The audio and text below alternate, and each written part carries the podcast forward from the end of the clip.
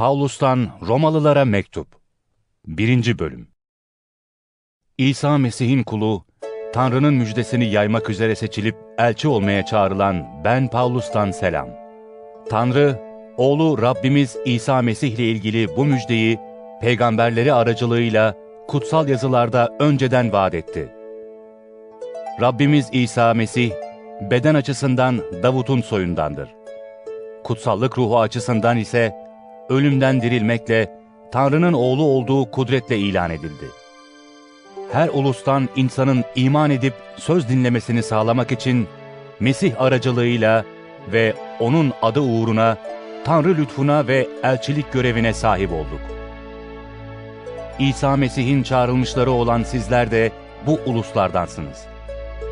Tanrı'nın Roma'da bulunan, kutsal olmaya çağrılan bütün sevdiklerine, babamız Tanrı'dan ve Rab İsa Mesih'ten size lütuf ve esenlik olsun. İlkin, hepiniz için İsa Mesih aracılığıyla Tanrı'ma şükrediyorum. Çünkü imanınız bütün dünyada duyuruluyor. Oğlunun müjdesini yaymakta bütün varlığımla kulluk ettiğim Tanrı, sizi durmadan, her zaman dualarımda andığıma tanıktır. Tanrı'nın isteğiyle sonunda bir yol bulup yanınıza gelmek için dua ediyorum. Çünkü ruhça pekişmeniz için size ruhsal bir armağan ulaştırmak üzere sizi görmeyi çok istiyorum. Yani ben aranızdayken karşılıklı olarak birbirimizin imanıyla cesaret buluruz demek istiyorum. Kardeşler, öteki uluslar arasında olduğu gibi çalışmalarımın sizin aranızda da ürün vermesi için yanınıza gelmeyi birçok kez amaçladığımı ama şimdiye dek hep engellendiğimi bilmenizi istiyorum. Greklere ve Grek olmayanlara, bilgelere ve bilgisizlere karşı sorumluluğum var. Bu nedenle Roma'da bulunan sizlere de müjdeyi elinden geldiğince bildirmek için sabırsızlanıyorum. Çünkü müjdeden utanmıyorum. Müjde, iman eden herkesin, önce Yahudilerin, sonra Yahudi olmayanların kurtuluşu için Tanrı gücüdür. Tanrı'nın insanı akladığı müjdede açıklanır. Aklanma yalnız imanla olur. Yazılmış olduğu gibi İmanla aklanan yaşayacaktır. haksızlıkla gerçeğe engel olan insanların bütün tanrısızlığına ve haksızlığına karşı Tanrı'nın gazabı gökten açıkça gösterilmektedir. Çünkü Tanrı'ya ilişkin bilinen ne varsa gözlerinin önündedir. Tanrı hepsini gözlerinin önüne sermiştir. Tanrı'nın görünmeyen nitelikleri, sonsuz gücü ve tanrılığı, dünya yaradılalı beri onun yaptıklarıyla anlaşılmakta, açıkça görülmektedir. Bu nedenle özürleri yoktur. Tanrı'yı bildikleri halde onu Tanrı olarak yüceltmediler. Ona şükretmediler. Tersine düşüncelerinde budalalığa düştüler, anlayışsız yüreklerini karanlık bürüdü. Akıllı olduklarını ileri sürerken akılsız olup çıktılar. Ölümsüz Tanrı'nın yüceliği yerine ölümlü insana, kuşlara, dört ayaklılara, sürüngenlere benzeyen putları yeğlediler. Bu yüzden Tanrı, birbirlerinin bedenlerini aşağılasınlar diye onları yüreklerinin tutkuları içinde ahlaksızlığa teslim etti. Tanrı ile ilgili gerçeğin yerine yalanı koydular. Yaradanın yerine yaratığa tapıp kulluk ettiler. Oysa Tanrı sonsuza dek övülmeye layıktır. Amin. İşte böylece Tanrı onları utanç verici tutkulara teslim etti. Kadınları bile doğal ilişki yerine doğal olmayanı yeğlediler. Aynı şekilde erkekler de kadınla doğal ilişkilerini bırakıp birbirleri için şehvetle yanıp tutuştular. Erkekler erkeklerle utanç verici ilişkilere girdiler ve kendi bedenlerinde sapıklıklarına yaraşan karşılığı aldılar. Tanrı'yı tanımakta yarar görmedikleri için Tanrı onları yararsız düşüncelere, yakışıksız davranışlara teslim etti. Her türlü haksızlık, kötülük, açgözlülük ve kinle doldular. Kıskançlık, öldürme hırsı, çekişme, hile, kötü niyetle doludurlar. Dedikoducu, yerici, Tanrı'dan nefret eden, küstah, kibirli, övüngen, kötülük üreten, anne baba sözü dinlemeyen, anlayışsız, sözünde durmaz, sevgiden yoksun, acımasız insanlardır. Böyle davrananların ölümü hak ettiğine ilişkin Tanrı buyruğunu bildikleri halde bunları yalnız yapmakla kalmaz, yapanları da onaylarlar. Pavlus'tan Romalılara mektup 2. bölüm Bu nedenle sen, ey başkasını yargılayan insan, kim olursan ol, özrün yoktur. Başkasını yargıladığın konuda kendini mahkum ediyorsun. Çünkü ey yargılayan sen, aynı şeyleri yapıyorsun. Böyle davrananları Tanrı'nın haklı olarak yargıladığını biliriz. Bu gibi şeyleri yapanları yargılayan ama aynısını yapan ey insan, Tanrı'nın yargısından kaçabileceğini mi sanıyorsun? Tanrı'nın sınırsız iyiliğini, hoşgörüsünü, sabrını hor mu görüyorsun? Onun iyiliğinin seni tövbeye yönelttiğini bilmiyor musun? İnatçılığın ve tövbesiz yüreğin yüzünden Tanrı'nın adil yargısının açıklanacağı gazap günü için kendine karşı gazap biriktiriyorsun. Tanrı herkese yaptıklarının karşılığını verecektir. Sürekli iyilik ederek yücelik, saygınlık, ölümsüzlük arayanlara sonsuz yaşam verecek. Bencillerin, gerçeğe uymayıp haksızlık peşinden gidenlerin üzerine ise gazap ve öfke yağdıracak.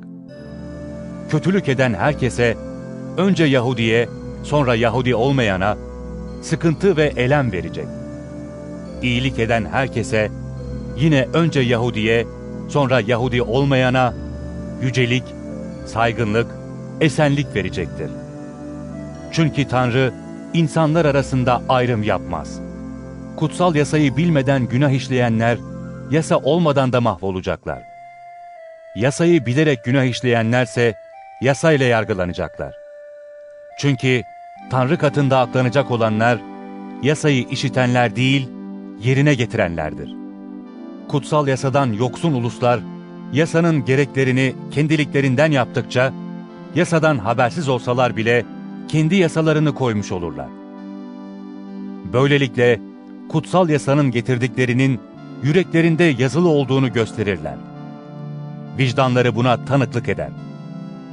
Düşünceleri ise onları ya suçlar ya da savunur. Yaydığım müjdeye göre Tanrı'nın insanları gizlice yaptıkları şeylerden ötürü İsa Mesih aracılığıyla yargılayacağı gün böyle olacaktır. Ya sen? Kendine Yahudi diyor, kutsal yasaya dayanıp Tanrı ile övünüyorsun. Tanrı'nın isteğini biliyorsun. En üstün değerleri ayırt etmeyi yasadan öğrenmişsin. Kutsal yasada bilginin ve gerçeğin özüne kavuşmuş olarak körlerin kılavuzu, karanlıkta kalanların ışığı, akılsızların eğiticisi, çocukların öğretmeni olduğuna inanmışsın. Öyleyse başkasına öğretirken kendine de öğretmez misin? Çalmamayı öğütlerken çalar mısın? Zina etmeyin derken zina eder misin? Putlardan tiksinirken tapınakları yağmalar mısın? Kutsal yasayla övünürken yasaya karşı gelerek Tanrı'yı aşağılar mısın? Nitekim şöyle yazılmıştır. Sizin yüzünüzden uluslar arasında Tanrı'nın adına küfrediliyor. Kutsal yasayı yerine getirirsen, sünnetin elbet yararı vardır. Ama yasaya karşı gelirsen, sünnetli olmanın hiçbir anlamı kalmaz. Bu nedenle sünnetsizler yasanın buyruklarına uyarsa, sünnetli sayılmayacak mı? Sen kutsal yazılara ve sünnete sahip olduğun halde yasayı çiğnersen, bedence sünnetli olmayan ama yasaya uyan kişi seni yargılamayacak mı? Çünkü ne dıştan Yahudi olan gerçek Yahudidir, ne de görünüşte bedensel olan sünnet gerçek sünnettir.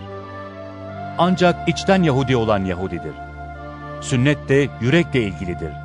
Yazılı yasanın değil, ruhun işidir. İçten Yahudi olan kişi, insanların değil, Tanrı'nın övgüsünü kazanır. Pavlus'tan Romalılara mektup 3. bölüm Öyleyse Yahudinin ne üstünlüğü var? Sünnetin yararı nedir? Her yönden çoktur. İlk olarak Tanrı'nın sözleri Yahudilere emanet edilmiştir. Peki kimi Yahudiler güvenilmez çıkmışsa ne olur? Onların güvenilmezliği Tanrı'nın güvenilirliğini ortadan kaldırır mı? Kesinlikle hayır. Herkes yalancı olsa bile Tanrı'nın doğruyu söylediği bilinmelidir. Yazılmış olduğu gibi Öyle ki sözlerinde doğru çıkasın ve yargılandığında davayı kazanasın. ama bizim haksızlığımız Tanrı'nın adil olduğunu ortaya çıkarıyorsa ne diyelim? İnsanların diliyle konuşuyorum. Gazapla cezalandıran Tanrı haksız mı? Kesinlikle hayır. Öyle olsa Tanrı dünyayı nasıl yargılayacak? Ama Tanrı'nın her zaman doğruyu söylediği, benim yalanımla yüceliği için daha açık şekilde ortaya çıkmışsa, ben niçin yine bir günahkar olarak yargılanıyorum? Bazılarının bizi kötüleyerek söylediğimizi ileri sürdüğü gibi niçin kötülük yapalım da bundan iyilik çıksın demeyelim. Böylelerinin yargılanması yerindedir. Şimdi ne diyelim? Biz Yahudiler öteki uluslardan üstün müyüz? Elbette değiliz. İster Yahudi, ister Grek olsun, daha önce herkesi günahın denetiminde olmakla suçladık. Yazılmış olduğu gibi Doğru kimse yok. Tek kişi bile yok. Anlayan kimse yok. Tanrı'yı arayan yok. Hepsi saptı. Tümü yararsız oldu. İyilik eden yok. Tek kişi bile. Ağızları açık birer mezardır. Dilleriyle aldatırlar. Engerek zehiri var dudaklarının altında. Ağızları lanet ve acı sözle doludur. Ayakları kan dökmeye seyirtir. Yıkım ve dert var yollarında. Esenlik yolunu da bilmezler. Tanrı korkusu yoktur onlarda. kutsal yasada söylenenlerin her ağız kapansın, bütün dünya Tanrı'ya hesap versin diye yasanın yönetimi altındakilere söylendiğini biliyoruz. Bu nedenle yasanın gereklerini yapmakla hiç kimse Tanrı katında aklanmayacaktır. Çünkü yasa sayesinde günahın bilincine varılır. Ama şimdi yasadan bağımsız olarak Tanrı'nın insanı nasıl aklayacağı açıklandı. Yasa ve peygamberler buna tanıklık ediyor. Tanrı insanları İsa Mesih'e olan imanlarıyla aklar. Bunu iman eden herkes için yapar. Hiç ayrım yoktur. Çünkü herkes günah işledi ve Tanrı'nın yüceliğinden yoksun kaldı. İnsanlar İsa Mesih'te olan kurtuluşla, Tanrı'nın lütfuyla karşılıksız olarak aklanırlar. Tanrı Mesih'i kanıyla günahları bağışlatan ve imanla benimsenen kurban olarak sundu. Böylece adaletini gösterdi. Çünkü sabredip daha önce işlenmiş günahları cezasız bıraktı. Bunu adil kalmak ve İsa'ya iman edeni aklamak için şimdiki zamanda kendi adaletini göstermek amacıyla yaptı. Öyleyse neyle övünebiliriz? Hiçbir şeyle. Hangi ilkeye dayanarak? Yasayı yerine getirme ilkesine mi? Hayır, iman ilkesine. Çünkü insanın yasanın gereklerini yaparak değil, iman ederek aklandığı kanısındayız. Yoksa Tanrı yalnız Yahudilerin Tanrısı mı? Öteki ulusların da Tanrısı değil mi? Elbet öteki ulusların da Tanrısıdır. Çünkü sünnetlileri imanları sayesinde, sünnetsizleri de aynı imanla aklayacak olan Tanrı tektir. Öyleyse biz iman aracılığıyla kutsal yasayı geçersiz mi kılıyoruz? Hayır, tam tersine. Yasayı doğruluyoruz. Pavlus'tan Romalılara Mektup 4. Bölüm Şu halde soyumuzun atası İbrahim'in durumu için ne diyelim? Eğer İbrahim yaptığı iyi işlerden dolayı aklandıysa, övünmeye hakkı vardır. Ama Tanrı'nın önünde değil. Kutsal yazı ne diyor? İbrahim Tanrı'ya iman etti. Böylece aklanmış sayıldı. Çalışana verilen ücret lütuf değil, hak sayılır. Ancak çalışmayan ama Tanrısızı aklayana iman eden kişi, imanı sayesinde aklanmış sayılır. Nitekim iyi işlerine bakmaksızın Tanrı'nın aklanmış saydığı kişinin mutluluğunu Davut da şöyle anlatır. Ne mutlu suçları bağışlanmış, günahları örtülmüş olanlara. Günahı Rab tarafından sayılmayana ne mutlu. Bu mutluluk yalnız sünnetliler için mi yoksa aynı zamanda sünnetsizler için midir? Diyoruz ki İbrahim imanı sayesinde aklanmış sayıldı. Hangi durumda aklanmış sayıldı? Sünnet olduktan sonra mı, sünnetsizken mi? Sünnetliyken değil, sünnetsizken. İbrahim daha sünnetsizken imanla aklandığının kanıtı olarak sünnet işaretini aldı. Öyle ki sünnetsiz oldukları halde iman edenlerin hepsinin babası olsun, böylece onlar da aklanmış sayılsın.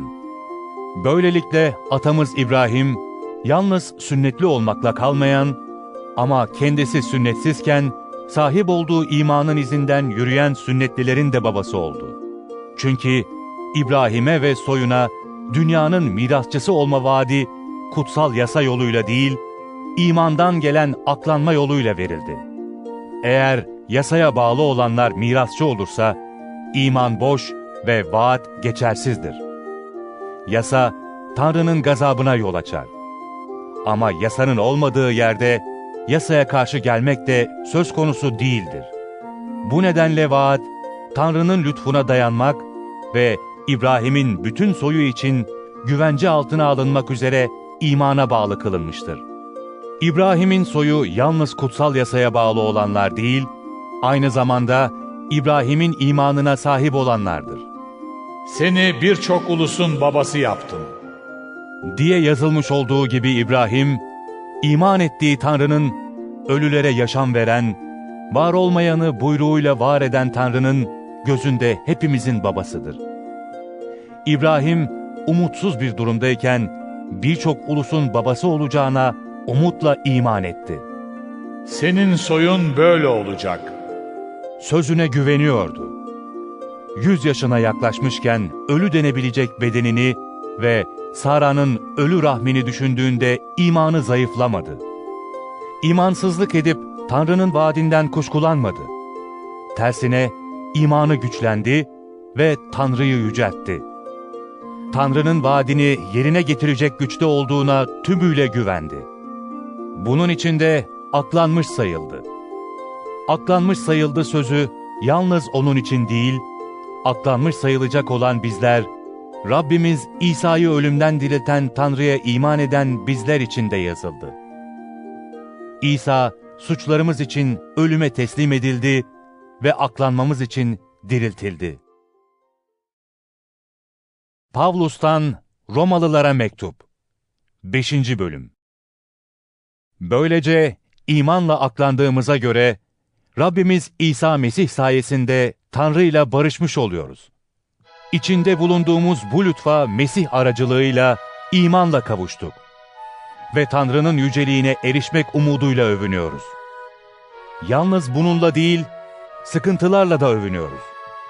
Çünkü biliyoruz ki sıkıntı dayanma gücünü, dayanma gücü Tanrı'nın beğenisini, Tanrı'nın beğenisi de umudu yaratır. Umut, düş kırıklığına uğratmaz.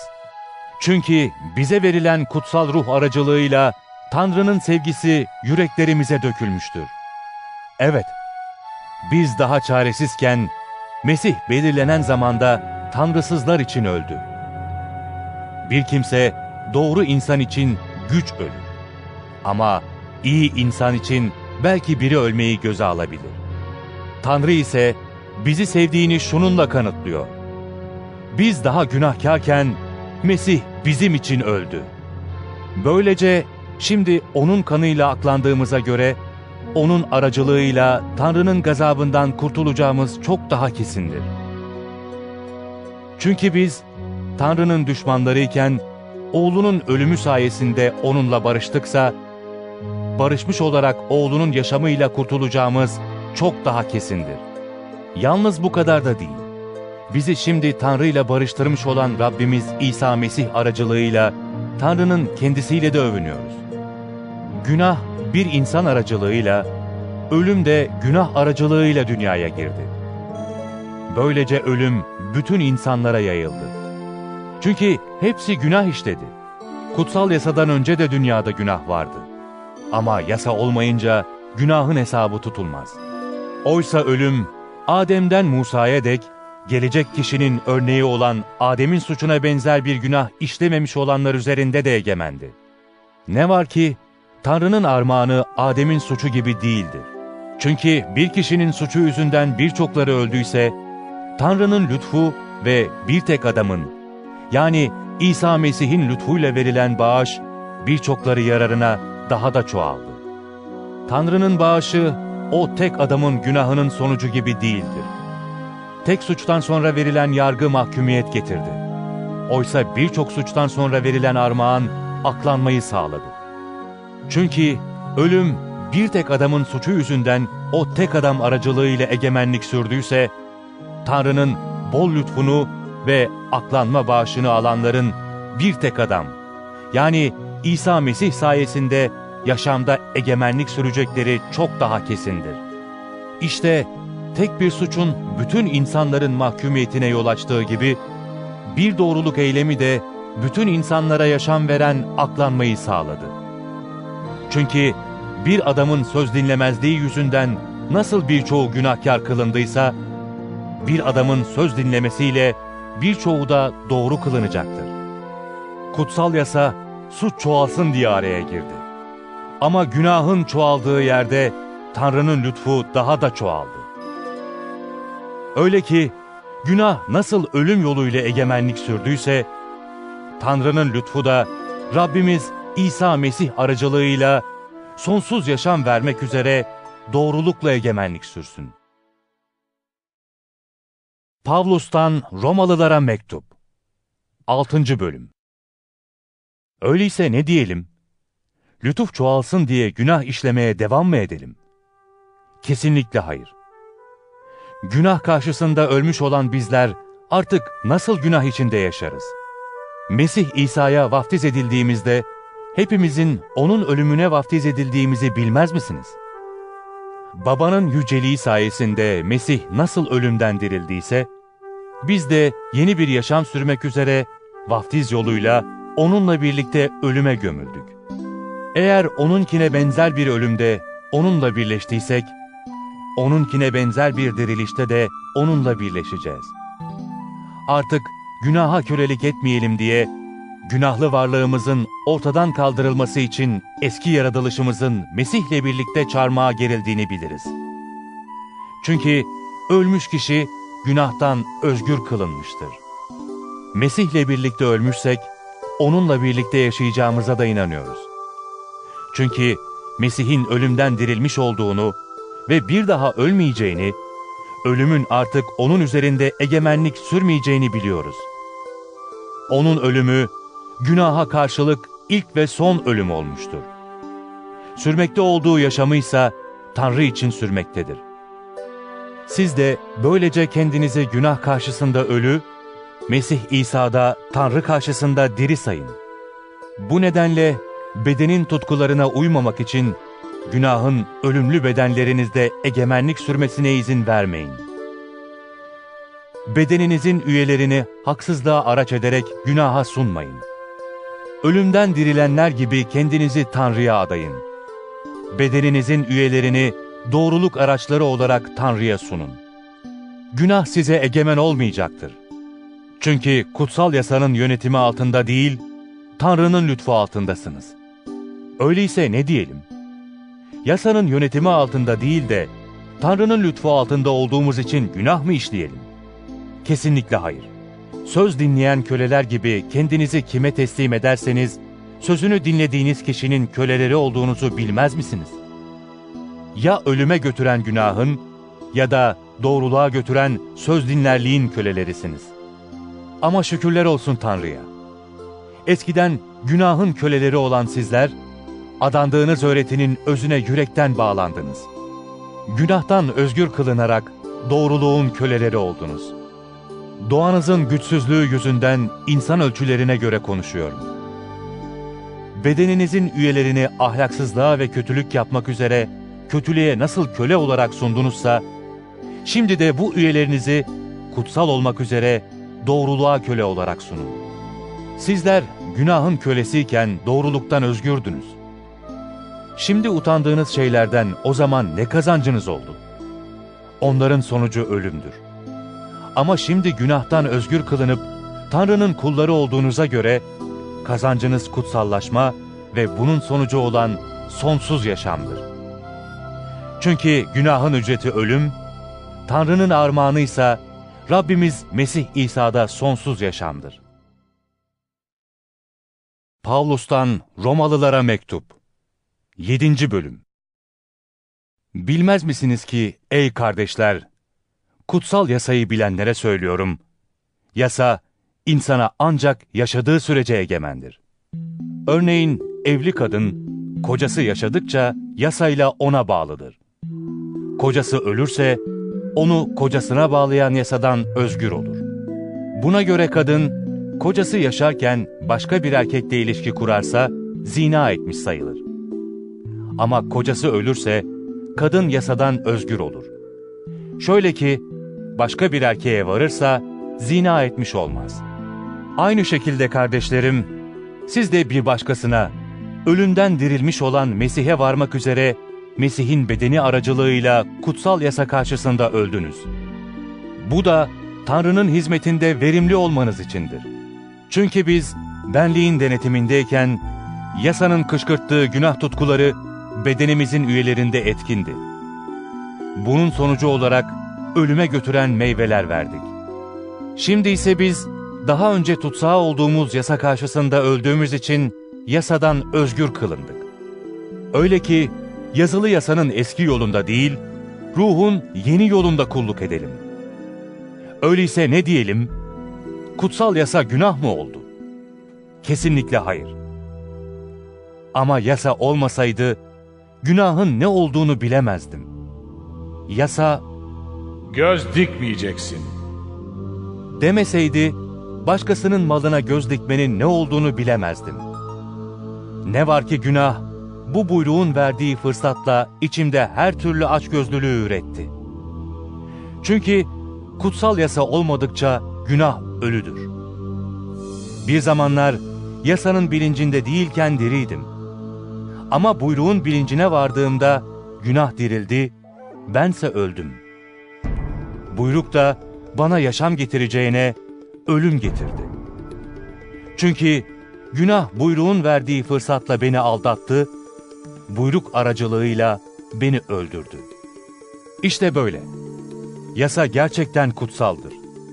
Buyruk da kutsal, doğru ve iyidir. Öyleyse iyi olan bana ölüm mü getirdi? Kesinlikle hayır.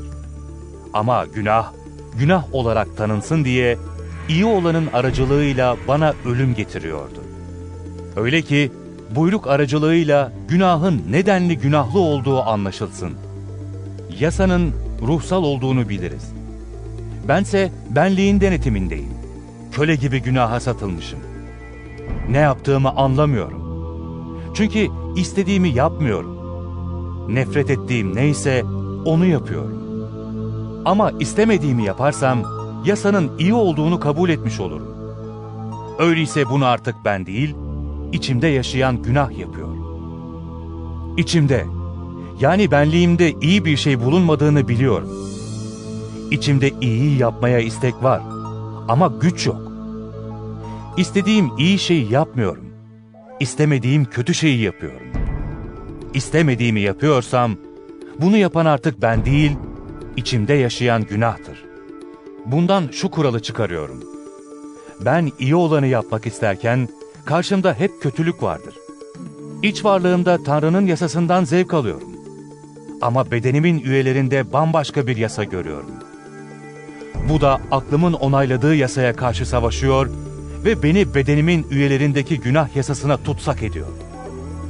Ne zavallı insan. Ölüme götüren bu bedenden beni kim kurtaracak? Rabbimiz İsa Mesih aracılığıyla Tanrı'ya şükürler olsun. Sonuç olarak ben aklımla Tanrı'nın yasasına ama benliğimle günahın yasasına kulluk ediyorum.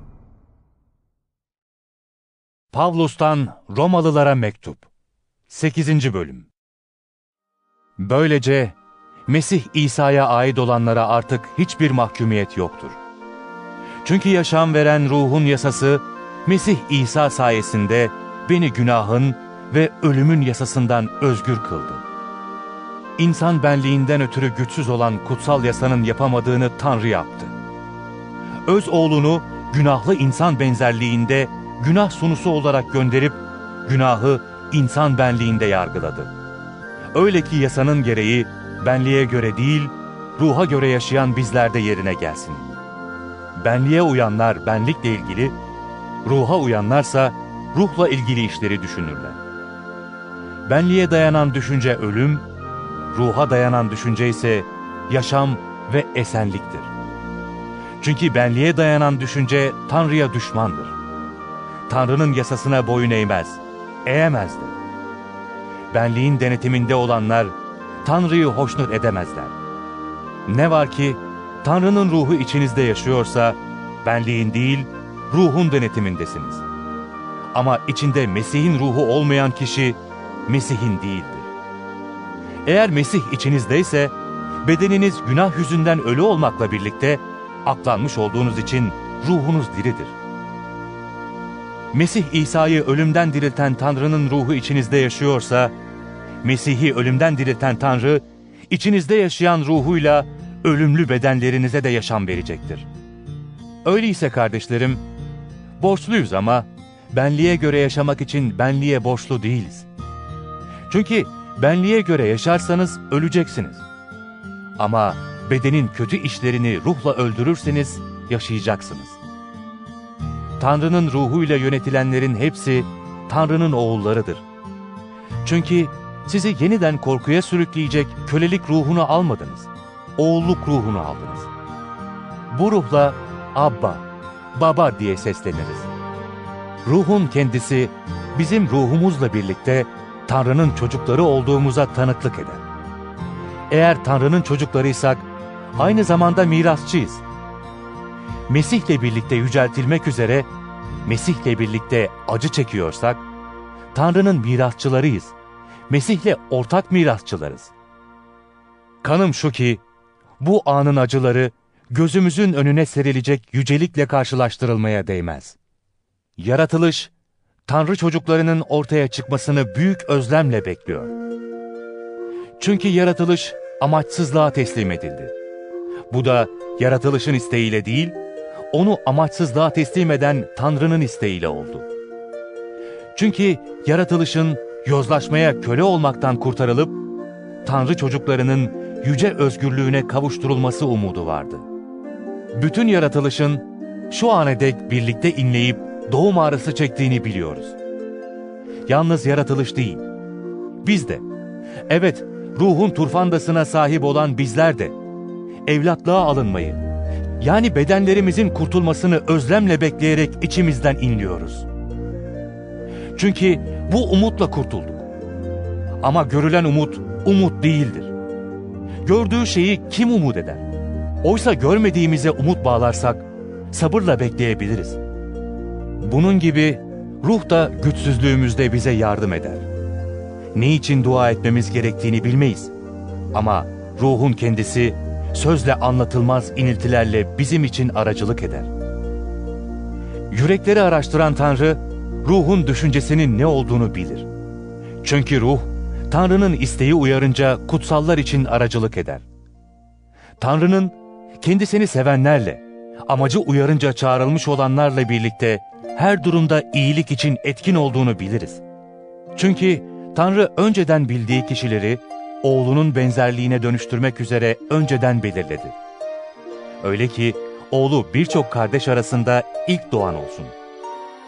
Tanrı önceden belirlediği kişileri çağırdı.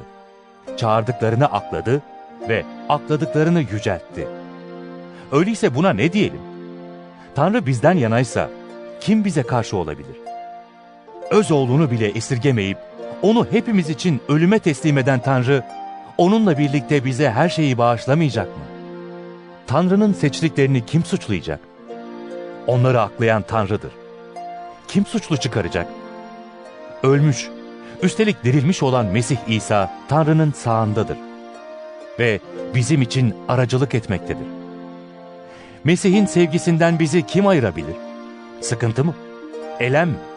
Zulüm mü? Açlık mı? Çıplaklık mı? Tehlike mi? Kılıç mı?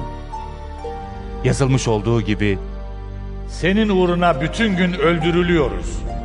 Kasaplık koyun sayılıyoruz.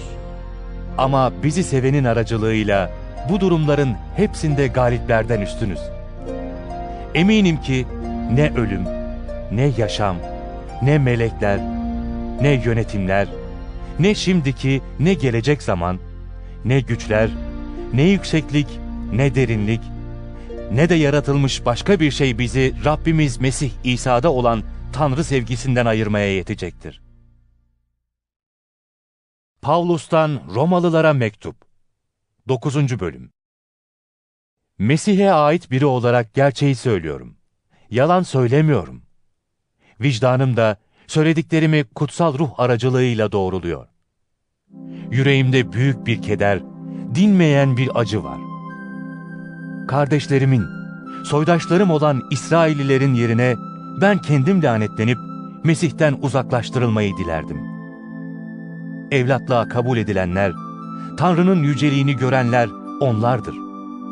Antlaşmalar, buyrulan kutsal yasa, tapınma düzeni, vaatler onlarındır. Büyük atalar onların atalarıdır. Mesih de bedence onlardandır. O, her şeyin üzerinde hüküm süren, sonsuza dek övülecek Tanrı'dır. Amin. Tanrı'nın sözü boşa çıktı demek istemiyorum.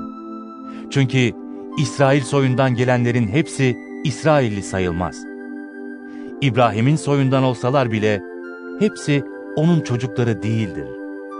Ama Senin soyun İshak'la sürecek. diye yazılmıştır. Demek ki Tanrı'nın çocukları olağan yoldan doğan çocuklar değildir. İbrahim'in soyu sayılanlar Tanrı'nın vaadi uyarınca doğan çocuklardır. Çünkü vaat şöyleydi.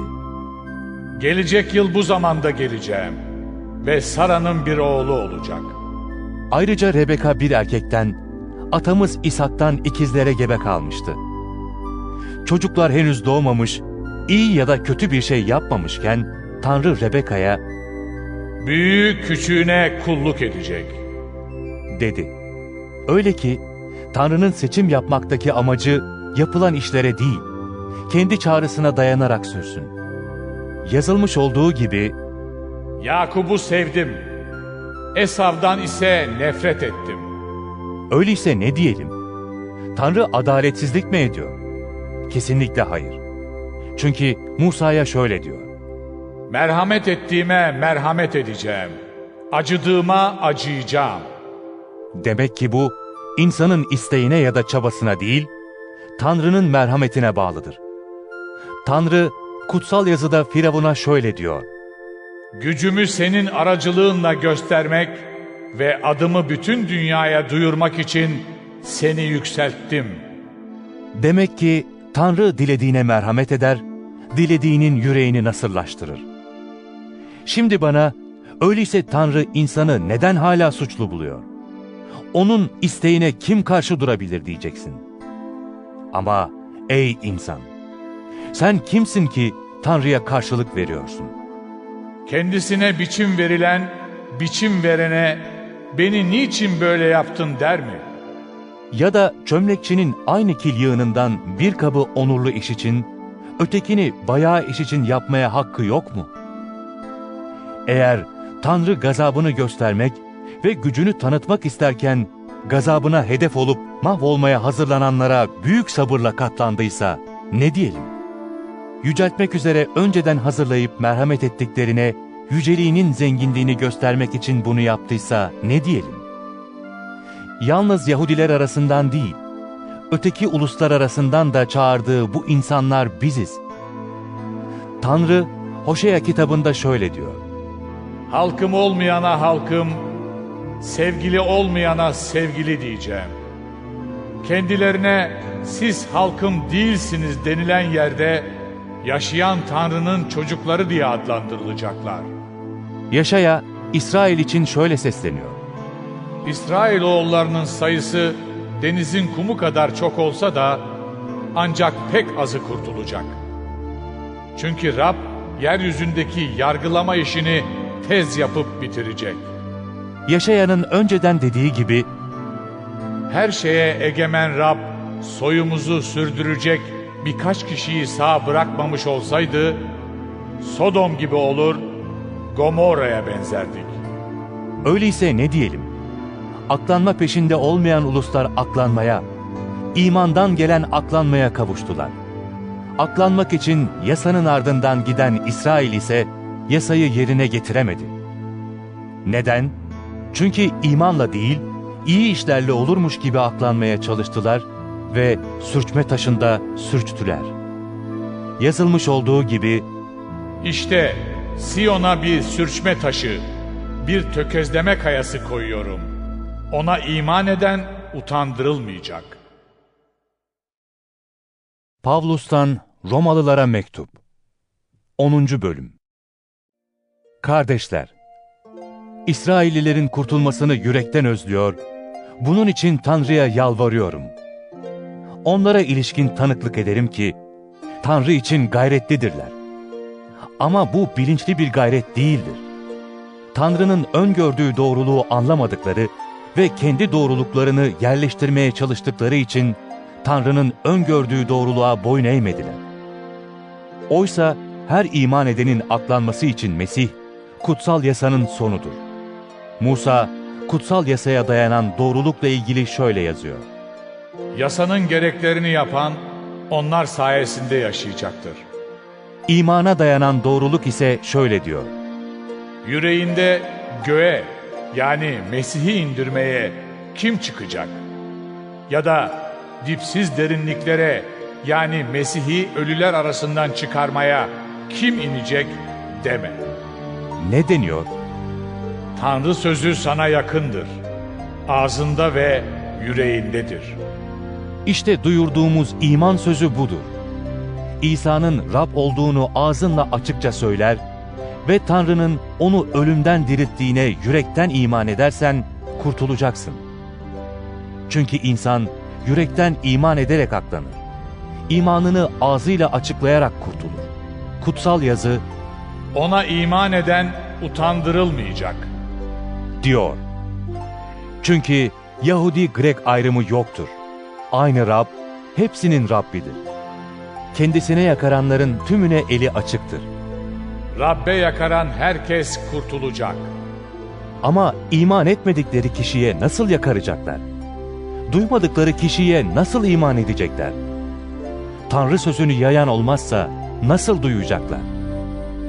Sözü yaymaya gönderilmezlerse sözü nasıl yayacaklar? Yazılmış olduğu gibi İyi haber müjdeleyenlerin ayakları ne güzeldir. Ne var ki herkes müjdeye uymadı. Yaşayanın dediği gibi Ya Rab, verdiğimiz habere kim inandı? Demek ki iman haberi duymakla, duymak da Mesih'le ilgili sözün yayılmasıyla olur. Ama soruyorum, onlar duymadılar mı? Elbet duydular. Sesleri bütün yeryüzüne, sözleri dünyanın dört bucağına ulaştı. Yine soruyorum, İsrail anlamadı mı? Önce Musa, Ben sizi ulus olmayanla kıskandıracağım, anlayışsız bir ulusla sizi öfkelendireceğim. diyor. Sonra Yaşaya cesaretle, Aramayanlar beni buldu, sormayanlara kendimi gösterdim. diyor. Öte yandan İsrail için şöyle diyor. Söz dinlemeyen, asi bir halka bütün gün ellerimi uzatıp durdum. Pavlus'tan Romalılara mektup 11. bölüm Öyleyse soruyorum. Tanrı kendi halkından yüz mü çevirdi? Kesinlikle hayır. Ben de İbrahim soyundan, Benyamin oymağından bir İsrailliyim. Tanrı önceden bildiği kendi halkından yüz çevirmedi. Yoksa İlyas'la ilgili bölümde kutsal yazının ne dediğini, İlyas'ın Tanrı'ya nasıl İsrail'den yakındığını bilmez misiniz? Ya Rab, senin peygamberlerini öldürdüler. Senin sunaklarını yıktılar. Yalnız ben kaldım. Beni de öldürmeye çalışıyorlar. Tanrı'nın ona verdiği yanıt nedir? Baal'ın önünde diz çökmemiş yedi bin kişiyi kendime ayırdım. Aynı şekilde şimdiki dönemde de Tanrı'nın lütfuyla seçilmiş küçük bir topluluk vardır. Eğer bu lütufla olmuşsa iyi işlerle olmamış demektir. Yoksa lütuf artık lütuf olmaktan çıkar. Sonuç ne? İsrail aradığına kavuşamadı. Seçilmiş olanlar ise kavuştular. Geriye kalanlarınsa yürekleri nasırlaştırıldı. Yazılmış olduğu gibi Tanrı onlara uyuşukluk ruhu verdi. Bugüne dek görmeyen gözler, duymayan kulaklar verdi. Davut da şöyle diyor. Sofraları onlara tuzak, kapan, tökez ve ceza olsun. Gözleri kararsın, görmesinler. Bellerini hep iki büklüm et. Öyleyse soruyorum. İsrailliler bir daha kalkmamak üzere mi sendeleyip düştüler? Kesinlikle hayır. Ama onların suçu yüzünden öteki uluslara kurtuluş verildi. Öyle ki İsrailliler onlara imrensin. Eğer İsraillilerin suçu dünyaya zenginlik, bozgunu uluslara zenginlik getirdiyse, bütünlüğü çok daha büyük bir zenginlik getirecektir. Öteki uluslardan olan sizlere söylüyorum. Uluslara elçi olarak gönderildiğim için görevimi yüce sayarım. Böylelikle belki soydaşlarımı imrendirip bazılarını kurtarırım. Çünkü onların reddedilmesi dünyanın Tanrı ile barışmasını sağladıysa, kabul edilmeleri ölümden yaşama geçiş değil de nedir? Hamurun ilk parçası kutsalsa tümü kutsaldır. Kök kutsalsa dallar da kutsaldır.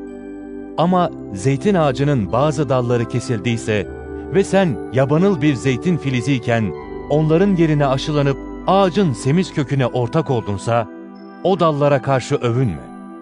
Eğer övünüyorsan, unutma ki sen kökü taşımıyorsun. Kök seni taşıyor. O zaman ben aşılanayım diye dallar kesildi diyeceksin. Doğru. Onlar imansızlık yüzünden kesildiler. Sense imanla yerinde duruyorsun. Böbürlenme. Kork.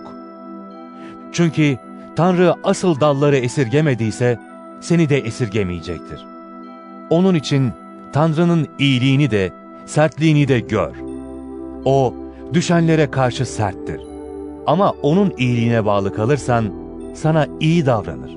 Yoksa sen de kesilip atılırsın. İmansızlıkta direnmezlerse İsrailliler de öz ağaca aşılanacaklar.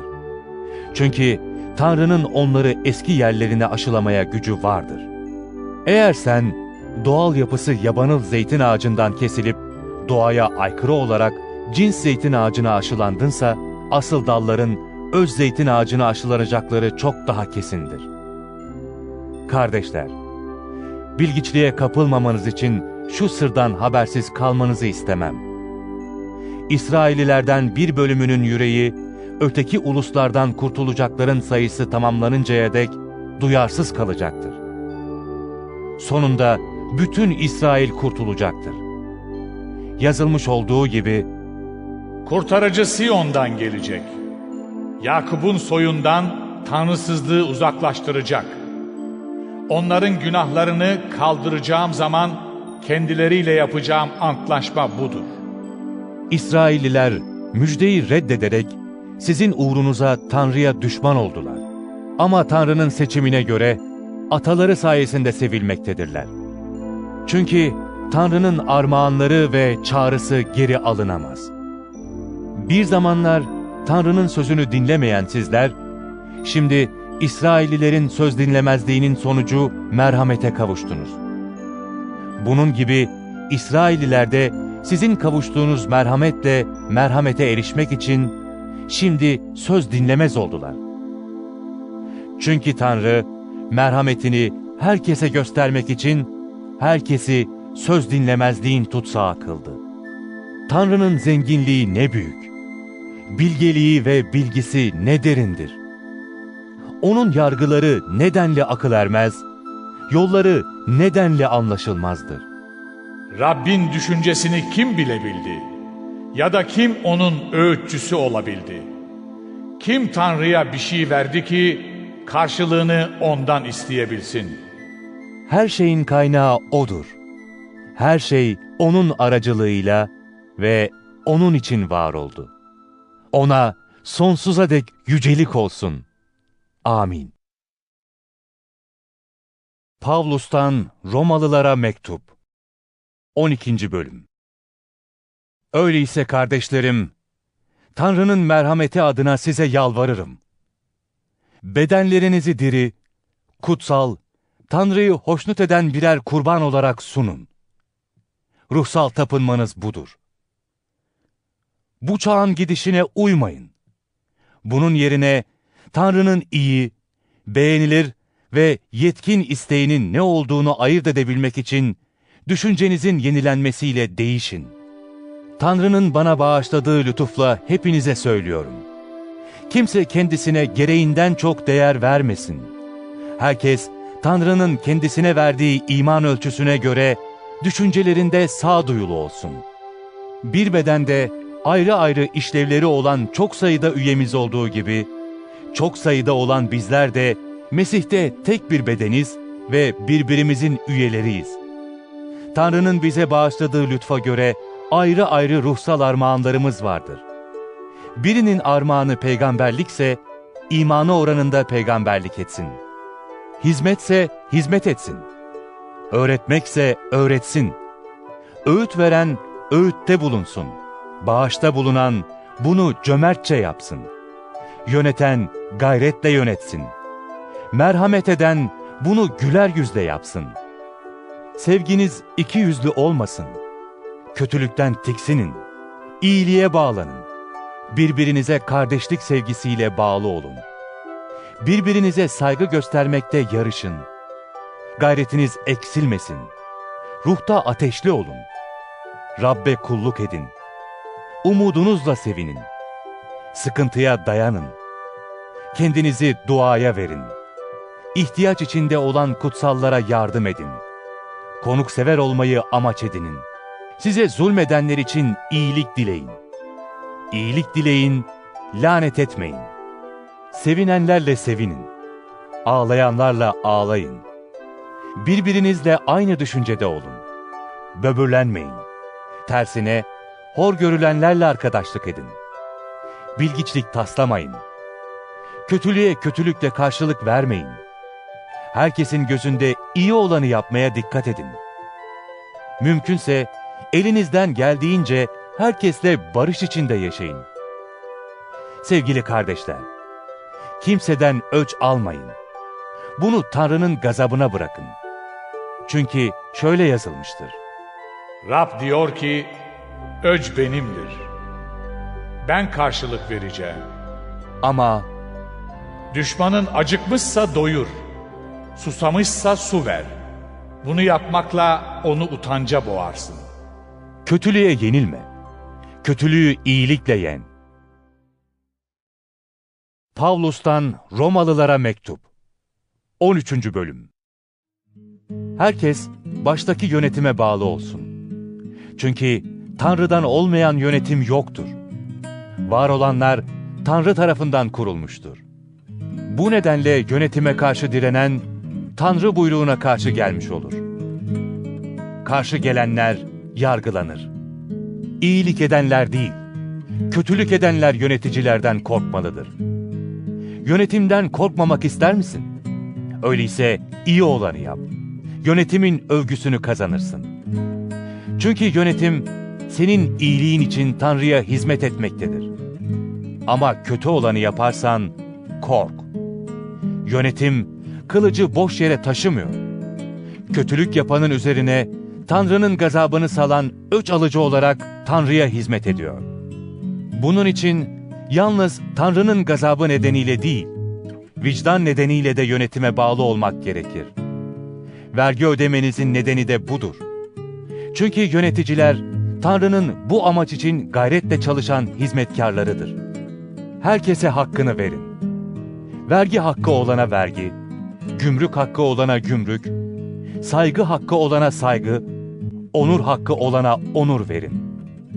Birbirinizi sevmekten başka hiç kimseye bir şey borçlu olmayın. Çünkü başkalarını seven kutsal yasayı yerine getirmiş olur. Zina etmeyeceksin. Adam öldürmeyeceksin. Çalmayacaksın. Başkasının malına göz dikmeyeceksin. Buyrukları ve bundan başka ne buyruk varsa şu sözde özetlenmiştir. Komşunu kendin gibi seveceksin. Seven kişi komşusuna kötülük etmez. Bu nedenle sevmek kutsal yasayı yerine getirmektir. Bunu yaşadığınız zamanın bilincinde olarak yapın. Artık sizin için uykudan uyanma saati gelmiştir. Çünkü şu anda kurtuluşumuz ilk iman ettiğimiz zamankinden daha yakındır. Gece ilerledi. Gündüz yaklaştı. Bunun için karanlığın işlerini üzerimizden atıp ışığın silahlarını kuşanalım. Çılgınca eğlenceye ve sarhoşluğa, fuhuşa ve safahate, çekişmeye ve kıskançlığa kapılmayalım. Gün ışığında olduğu gibi saygın bir yaşam sürelim. Rab İsa Mesih'i kuşanın. Benliğinizin tutkularına uymayı düşünmeyin. Pavlus'tan Romalılara mektup 14. bölüm İmanı zayıf olanı aranıza kabul edin. Ama tartışmalı konulara girmeyin. Biri her şeyi yiyebileceğine inanır. İmanı zayıf olansa yalnız sebze yer. Her şeyi yiyen, yemeyeni hor görmesin. Her şeyi yemeyen, yiyeni yargılamasın. Çünkü Tanrı onu kabul etmiştir. Sen kimsin ki başkasının kulunu yargılıyorsun? Kulu haklı çıkaran da, haksız çıkaran da efendisidir. Kul haklı çıkacaktır. Çünkü Rabbin onu haklı çıkarmaya gücü vardır. Kimi bir günü başka bir günden üstün sayar, kimi her günü bir sayar. Herkesin kendi görüşüne tam güveni olsun. Belli bir günü kutlayan Rab için kutlar. Her şeyi yiyen Tanrı'ya şükrederek Rab için yer. Bazı şeyleri yemeyen de Rab için yemez ve Tanrı'ya şükreder. Hiçbirimiz kendimiz için yaşamayız. Hiçbirimiz de kendimiz için ölmeyiz. Yaşarsak Rab için yaşarız, ölürsek Rab için ölürüz. Öyleyse yaşasak da ölsek de Rab'be aitiz. Mesih hem ölülerin hem yaşayanların Rabbi olmak üzere ölüp dirildi. Sen neden kardeşini yargılıyorsun? Ya sen kardeşini neden küçümsüyorsun? Tanrı'nın yargı kürsüsü önüne hepimiz çıkacağız. Yazılmış olduğu gibi Rab şöyle diyor. Varlığım hakkı için her diz önümde çökecek. Her dil Tanrı olduğumu açıkça söyleyecek. böylece her birimiz kendi adına Tanrı'ya hesap verecektir. Onun için artık birbirimizi yargılamayalım. Bunun yerine hiçbir kardeşin yoluna sürçme ya da tökezleme taşı koymamaya kararlı olun. Rab İsa'ya ait biri olarak kesinlikle biliyorum ki hiçbir şey kendiliğinden murdar değildir. Ama bir şeyi murdar sayan için o şey murdardır. Yediğin bir şey yüzünden kardeşin incinmişse artık sevgi yolunda yürümüyorsun demektir. Mesih'in uğruna öldüğü kardeşini yediklerinle mahvetme. Size göre iyi olanın kötülenmesine fırsat vermeyin. Çünkü Tanrı'nın egemenliği yiyecek içecek sorunu değil, doğruluk, esenlik ve kutsal ruhta sevinçtir. Mesih'e bu yolda hizmet eden Tanrı'yı hoşnut eder, insanların da beğenisini kazanır. Öyleyse kendimizi esenlik getiren ve karşılıklı gelişmemizi sağlayan işlere verelim. Yiyecek uğruna Tanrı'nın işini bozma. Her yiyecek temizdir. Ama yedikleriyle başkasının sürçmesine yol açan kişi kötülük etmiş olur. Et yememen, şarap içmemen, kardeşinin sürçmesine yol açacak bir şey yapmaman iyidir. Bu konulardaki inancını Tanrı'nın önünde kendine sakla. Onayladığı şeyden ötürü kendini yargılamayan kişi ne mutludur. Ama bir yiyecekten kuşkulanan kişi onu yerse yargılanır. Çünkü imanla yemiyor. İmana dayanmayan her şey günahtır. Pavlus'tan Romalılara mektup 15. bölüm İmanı güçlü olan bizler, kendimizi hoşnut etmeye değil, güçsüzlerin zayıflıklarını yüklenmeye borçluyuz. Her birimiz, komşusunu ruhça geliştirmek için, komşusunun iyiliğini gözeterek onu hoşnut etsin. Çünkü Mesih bile kendini hoşnut etmeye çalışmadı. Yazılmış olduğu gibi, Sana edilen hakaretlere ben uğradım. önceden ne yazıldıysa bize öğretmek için sabırla ve kutsal yazıların verdiği cesaretle umudumuz olsun diye yazıldı. Sabır ve cesaret kaynağı olan Tanrı'nın sizleri Mesih İsa'nın isteğine uygun olarak aynı düşüncede birleştirmesini dilerim. Öyle ki Rabbimiz İsa Mesih'in Tanrısını ve Babasını birlik içinde hep bir ağızdan yüceltesiniz. Bu nedenle Mesih sizi kabul ettiği gibi Tanrı'nın yüceliği için birbirinizi kabul edin. Çünkü diyorum ki Mesih, Tanrı'nın güvenilir olduğunu göstermek için Yahudilerin hizmetkarı oldu. Öyle ki atalarımıza verilen sözler doğrulansın ve öteki uluslar merhameti için Tanrı'yı yüceltsin.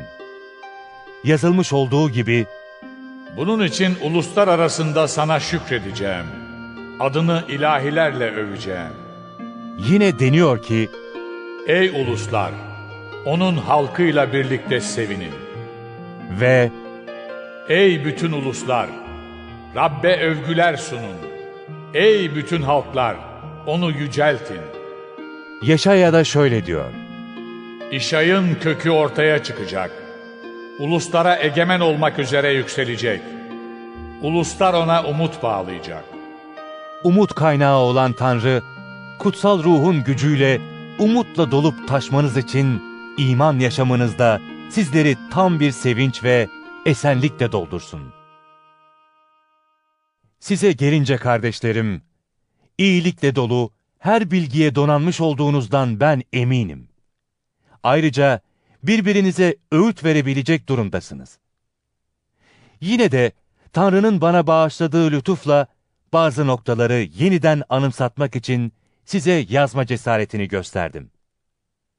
Ben Tanrı'nın lütfuyla uluslar yararına Mesih İsa'nın hizmetkarı oldum. Tanrı'nın müjdesini bir kahin olarak yaymaktayım. Öyle ki uluslar kutsal ruhla kutsal kılınarak Tanrı'yı hoşnut eden bir sunu olsun. Bunun için Mesih İsa'ya ait biri olarak Tanrı'ya verdiğim hizmetle övünebilirim. Ulusların söz dinlemesi için Mesih'in benim aracılığımla, sözle ve eylemle, mucizeler ve harikalar yaratan güçle, kutsal ruhun gücüyle yaptıklarından başka şeyden söz etmeye cesaret edemem. Yeruşalim'den başlayıp İllirikum bölgesine kadar dolaşarak Mesih'in müjdesini her yerde duyurdum. Bir başkasının attığı temel üzerine inşa etmemek için müjdeyi Mesih'in adının duyulmadığı yerlerde yaymayı amaç edindim. Yazılmış olduğu gibi Ondan habersiz olanlar görecekler. Duymamış olanlar anlayacaklar. işte bu yüzden yanınıza gelmem kaç kez engellendi. Şimdi ise bu yörelerde artık yapacağım bir şey kalmadığından, yıllardır da yanınıza gelmeyi arzuladığımdan İspanya'ya giderken size uğrarım. Yol üzerinde sizi görüp bir süre arkadaşlığınıza doyduktan sonra beni oraya uğurlayacağınızı umarım. Ama şimdi kutsallara bir hizmet için Yeruşalim'e gidiyorum. Çünkü Makedonya ve Ahaya'da bulunanlar, Yeruşalim'deki kutsallar arasında yoksul olanlar için yardım toplamayı uygun gördüler. Evet, uygun gördüler. Gerçekte onlara yardım borçlular. Uluslar, onların ruhsal bereketlerine ortak olduklarına göre, maddesel bereketlerle onlara hizmet etmeye borçlular. Bu işi bitirip sağlanan yardımı onlara ulaştırdıktan sonra size uğrayacağım.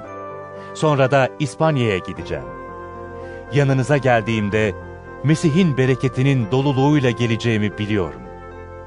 Kardeşler, Rabbimiz İsa Mesih ve ruhun sevgisi adına size yalvarıyorum. Benim için Tanrı'ya dua ederek uğraşıma katılın. Yahudiye'deki imansızlardan kurtulmam için ve Yeruşalim'e olan hizmetimin kutsallarca kabul edilmesi için dua edin. Öyle ki Tanrı'nın isteğiyle sevinçle yanınıza gelip sizlerle gönlümü ferahlatayım. Esenlik veren Tanrı hepinizle birlikte olsun. Amin. Pavlus'tan Romalılara mektup 16. bölüm Kenhere'deki kilisenin görevlisi olan kız kardeşimiz Fibi'yi size salık veririm. Kutsallara yaraşır biçimde onu Rabbin adına kabul edin. Herhangi bir ihtiyacı olursa kendisine yardım edin. Çünkü o, ben dahil birçoklarına destek sağlamıştır. Mesih İsa yolunda emektaşlarım olan Priska ve Akvila'ya selam edin. Onlar benim uğruma yaşamlarını tehlikeye attılar. Yalnız ben değil, öteki ulusların bütün kiliseleri de onlara minnettardır. Onların evindeki inanlılar topluluğuna da selam söyleyin. Asya ilinden Mesih'e ilk iman eden sevgili kardeşim Epenetus'a selam edin. Sizin için çok çalışmış olan Meryem'e selam söyleyin. Mesih'in elçileri arasında tanınmış ve benden önce Mesih'e inanmış olan soydaşlarım ve hapishane arkadaşlarım Andronikus'la Yunya'ya selam edin. Rabbe ait olan sevgili kardeşim Ampliatus'a selam söyleyin. Mesih yolunda emektaşımız olan Urbanus'a ve sevgili kardeşim Stakis'e selam edin. Mesih'in beğenisini kazanmış olan Apellis'e selam söyleyin. Aristobulus'un ev halkından olanlara selam edin. Soydaşım Herodion'a selam söyleyin. Narkis'in ev halkından Rabbe ait olanlara selam söyleyin. Rabbin hizmetinde çalışan Trifena ile Trifosa'ya selam edin. Rabbin hizmetinde çok çalışmış olan sevgili Persis'e selam söyleyin. Rabbin seçkin kulu olan Rufus'a ve bana da annelik etmiş olan annesine selam edin. Asinkritus, Flegon, Hermes, Patrovas, Hermas ve yanındaki kardeşlere selam edin. Filologus'la Yulia'ya, Nereus'la kız kardeşine, Olimpas'la yanlarındaki bütün kutsallara selam edin. Birbirinizi kutsal öpüşle selamlayın. Mesih'in bütün kiliseleri size selam ederler. Kardeşler, size yalvarırım. Aldığınız öğretiye karşı gelerek ayrılıklara ve sapmalara neden olanlara dikkat edin. Onlardan sakının. Böyle kişiler Rabbimiz Mesih'e değil, kendi midelerine kulluk ediyorlar. Saf kişilerin yüreklerini kulağa okşayan tatlı sözlerle aldatıyorlar. Söz dinlerliğinizi herkes duydu. Bu nedenle sizin adınıza seviniyorum. İyilik konusunda bilge, kötülük konusunda deneyimsiz olmanızı isterim. Esenlik veren Tanrı, çok geçmeden şeytanı ayaklarınızın altında ezecektir. Rabbimiz İsa'nın lütfu sizinle birlikte olsun. Emektaşım Timoteos, soydaşlarımdan Lukius, Yason ve Sosipater size selam ederler. Mektubu yazıya geçiren ben Tertius, Rabbe ait biri olarak size selamlarımı gönderirim. Bana ve bütün inanlılar topluluğuna konukseverlik eden Gaius size selam eder. Kent haznedarı Erastus'un ve Kuartus kardeşin size selamları var. Tanrı, duyurduğu müjde ve İsa Mesih'le ilgili bildiri uyarınca, sonsuz çağlardan beri saklı tutulan sırrı açıklayan vahiy uyarınca, sizi ruhça pekiştirecek güçtedir. O sır, şimdi aydınlığa çıkarılmış ve öncesiz Tanrı'nın buyruğuna göre, peygamberlerin yazıları aracılığıyla bütün ulusların iman ederek söz dinlemesi için bildirilmiştir. Bilge olan tek Tanrı'ya İsa Mesih aracılığıyla sonsuza dek yücelik olsun. Amin.